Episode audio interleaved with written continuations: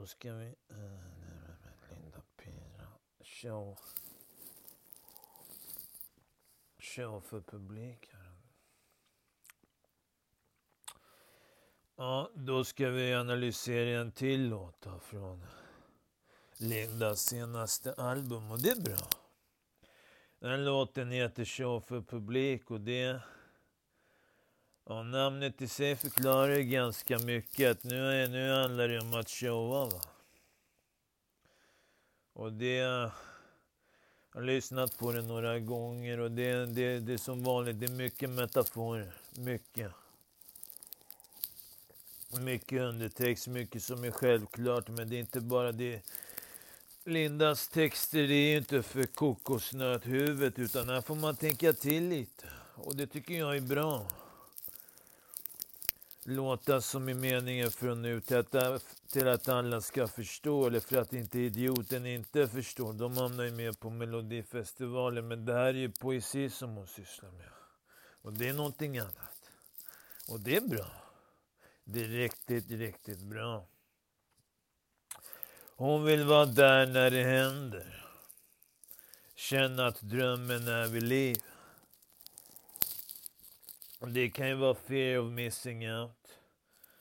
Eller att... Eh, ja, hon vill vara där såklart. Och det, alla vill ju vara där. Hon gillar att flasha para. Flasha sönder. Hämta in en flaska från menyn. Ja, det, det, det låter som en syriangrabb från Södertälje som det går bra för. Men nu är det en brud med vagina och det är någon annan då. Det, det, det behövs ju från... Alla ska ju kunna vara flashiga och kaxiga. Va? Men sen fortsätter hon här. Va? Natten börjar snöa som december. Det är nu vi börjar komma in på metaforerna.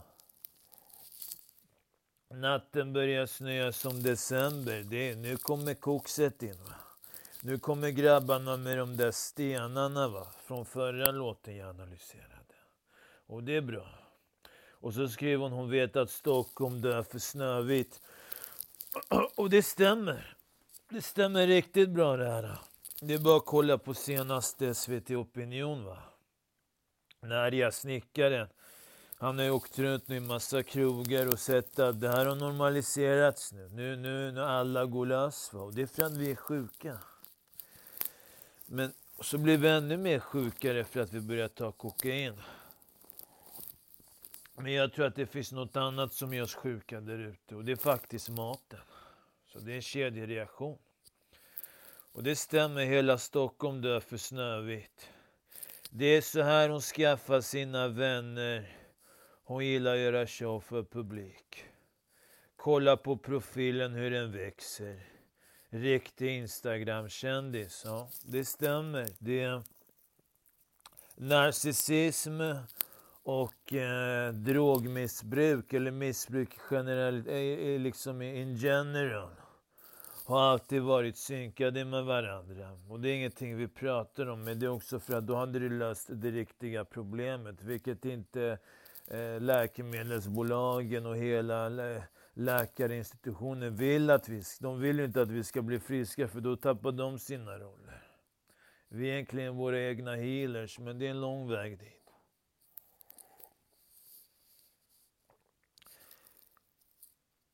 Får se nu, jag tappar bort mig. Ha koll på hur många pers det är som följer, lever för en like och en tweet. Några stories om hon bleker sina tänder. Om det nu är det som krävs för att bli rik. Ja, det blir det. Man skapar stort följe. Och så måste man börja göra reklam för företag som vill nå ut till de här människorna som är helt besatta av, liksom kändisskapet. Fansen så att säga. Frågan är egentligen om ens följeslagare på Instagram är ens följeslagare eller människor som vill vara den personen de följer. Och det är därför jag alltid själv har sagt det här med fuck fans. Jag gillar inte fans. Jag gillar supporters. Ett fans tänker inte kritiskt. va. De bara går och går, de ifrågasätter ingenting. Och det är egentligen människor som vill vara den de följer, utan de supportar inte den de följer. Och nu upprepar jag mig själv igen, och det var inte meningen heller.